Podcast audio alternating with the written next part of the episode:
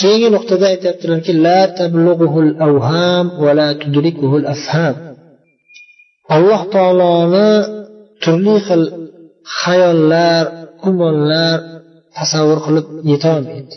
Alloh taologa u zotni qandayligini tasavvur qilib har qancha gumon qilib har qancha xayol farazlikka berilib chuqur ketib har xil xayollarga borsa ham baribir alloh taoloni haqiqatini topolmaydi. Alloh taoloni haqiqatiga yetolmaydi mohiyatini tasavvur qilolmaydi alloh taoloni ihota qilib hammani tushunib yetib tasavvur qilolmaydi hech qaysi bandaning aqlu zakovati ham bu narsaga kuchi yetmaydi. Alloh taoloning ba'zi bir ism sifatlarini olloh o'zi xabar bergandan keyin bilamiz.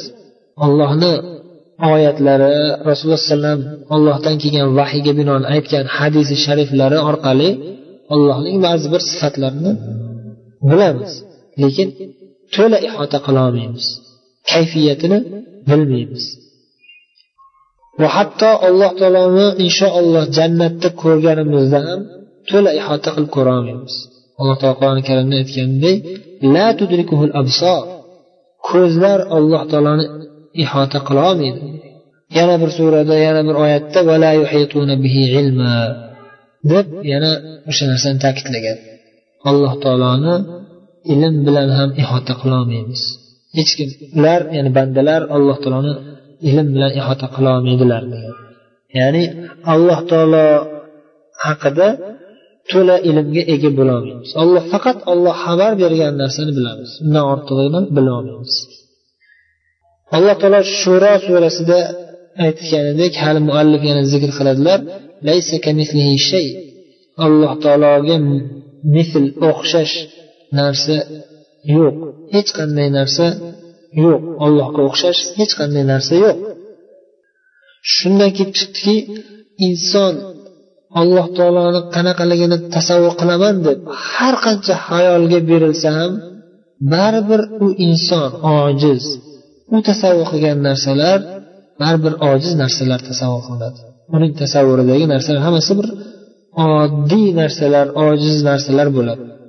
Har qancha tasavvur xayolparastlik bilan buyuk o'zining nazarida juda juda buyuk narsani tasavvur qilsa ham lekin baribir alloh taolo undan ham buyuk unga o'xshamaydi. Uni tasavvurdagi narsaga aslo o'xshamaydi. Alloh taolo maxluqotlarga yoki bandalarga odamlarga o'xshamaydi deb yana bir bor ta'kidladi. Matnni boshida ollohga o'xshash hech narsa yo'q degandilar bu yerda olloh taolo hech kimga o'xshamaydi odamlarga o'xshamaydi olloh o'zi o'xshamaydi hech qaysi bandaga. Yana bir nusxada odamlar ollohga o'xshamaydi degan. Ikkalasi ham to'g'ri lekin olloh olloh odamlarga o'xshamaydi desak takror kamroq bo'lgan bo'ladi.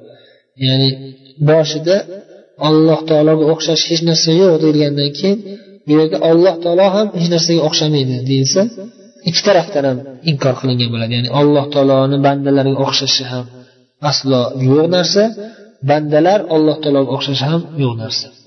Yaratuvchi zot yaratilguvchi maxluq narsalarga o'xshamaydi maxluqlarga o'xshamaydi.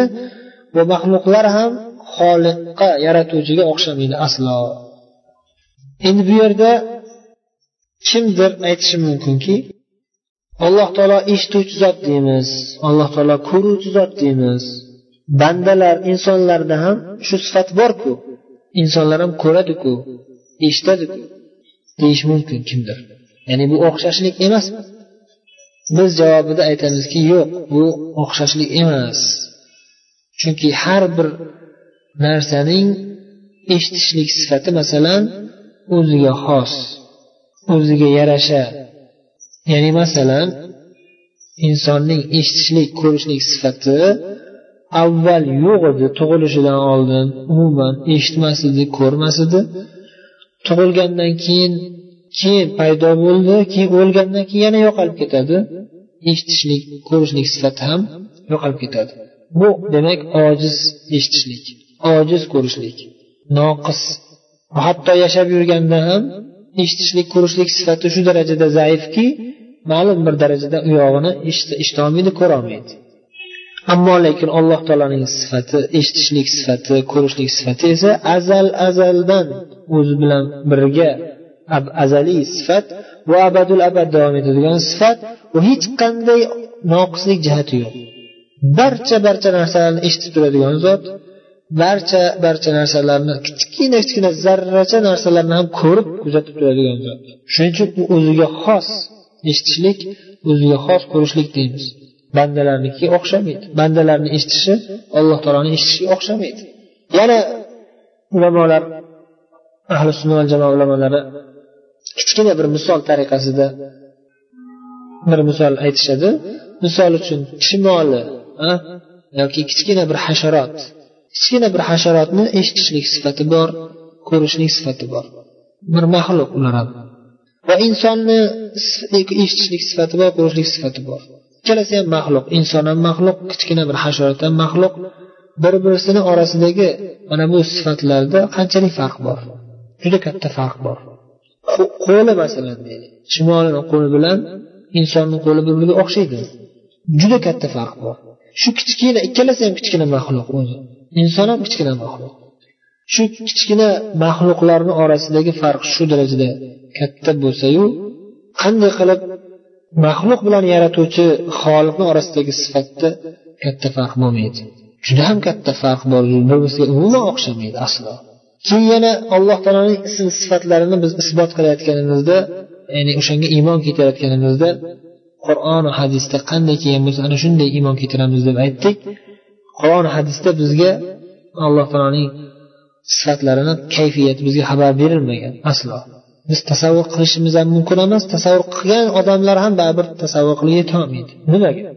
Chunki bir narsani qanday shaklda ekanligini tasavvur qilish uchun uchta narsadan bittasi bo'lishi kerak. Uchta yo'ldan bittasini topish kerak. Uchta yo'ldan bittasini topsa keyin o'sha narsani kayfiyatini tasavvur qilish mumkin. Jannatni masalan. Jannatni tasavvur qilish uchun qandayligini uchta narsadan bittasi kerak. Birinchisi jannatni ko'rish kerak. Jannatni ko'rsa keyin qandayligini tasavvur qilish mumkin. Jannatni ko'rolmadi ko'rolmagandan keyin endi jannatni qandayligini yaqinlashtirib beradigan boshqa bir jannatga o'xshagan bu boshqa narsani ko'rish kerak. Jannatga o'xshagan narsa ham yo'q bu dunyoda misol uchun. Har qancha zo'r bog' bo'ston bo'lsa ham baribir jannatga yaqinlasholmaydi. Demak bu ham bo'lmadi. Jannatga o'xshagan bir bo'ston topolmadi natijada jannatni tasavvur qilolmadi. Endi uchinchi yo'l qoldi. Jannatni qandayligini ko'rib kelgan odam xabar berishi kerak. Jannat manaqa ekan manaqa ekan manaqa ekan ko'rib keldim deb bu ham yo'q. Illo rasululloh sollallohu alayhi vasallam jannatni ko'rganlar ma'lum bir darajada qisqa nuqtalarni ya'ni atroflicha emas ba'zi bir joylarni ba'zi bir narsalarni xabar berganlar. Qur'onda ham jannat sifatlari kelgan hadisda ham kelgan jannat sifatlari lekin baribir aytib qo'yilgan qur'onda ham aytib qo'yilgan hadisda ham aytib qo'yilgan. Biz har qancha tasavvur qilsak ham baribir jannatni yuz foiz tasavvur qilolmaymiz endi bu dunyodan misol keltirsak bundan ming yil oldin yashagan odamga siz misol uchun ming yil oldin yashagan odamga aytsangiz bir temirdan yasalgan narsa bo'ladi osmonga ko'tarilib uchadi yerga tushadi undan odamlar chiqadi unga minadi desa ming yil oldin yashagan odamga aytilsa shuni.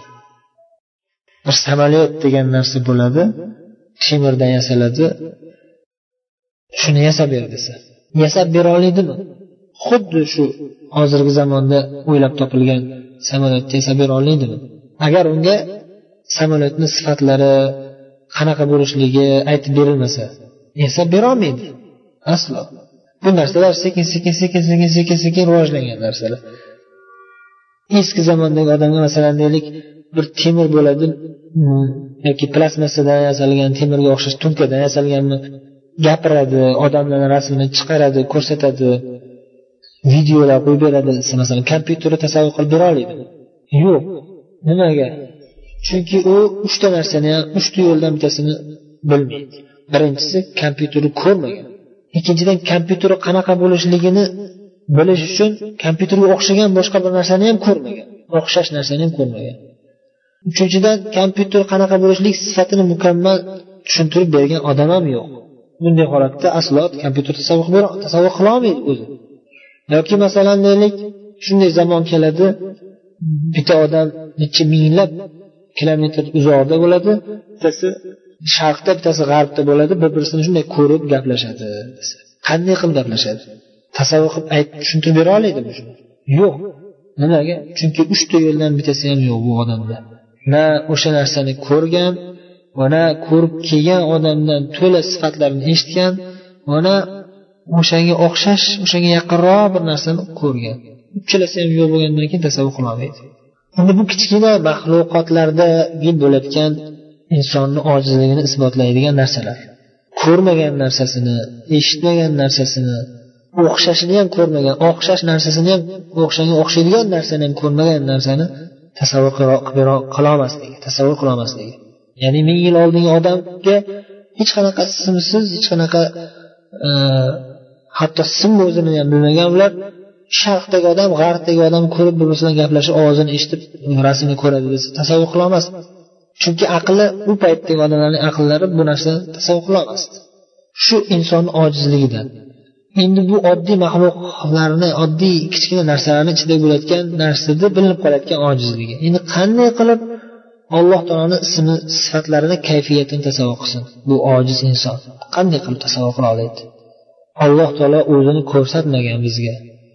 Hatto alloh taoloni ko'rib kelgan biron bir farishta yoki biron bir payg'ambar yo'q bizga kelib man ollohni ko'rdim bunaqa bunaqa ekan deb turib kayfiyatini aytadigan.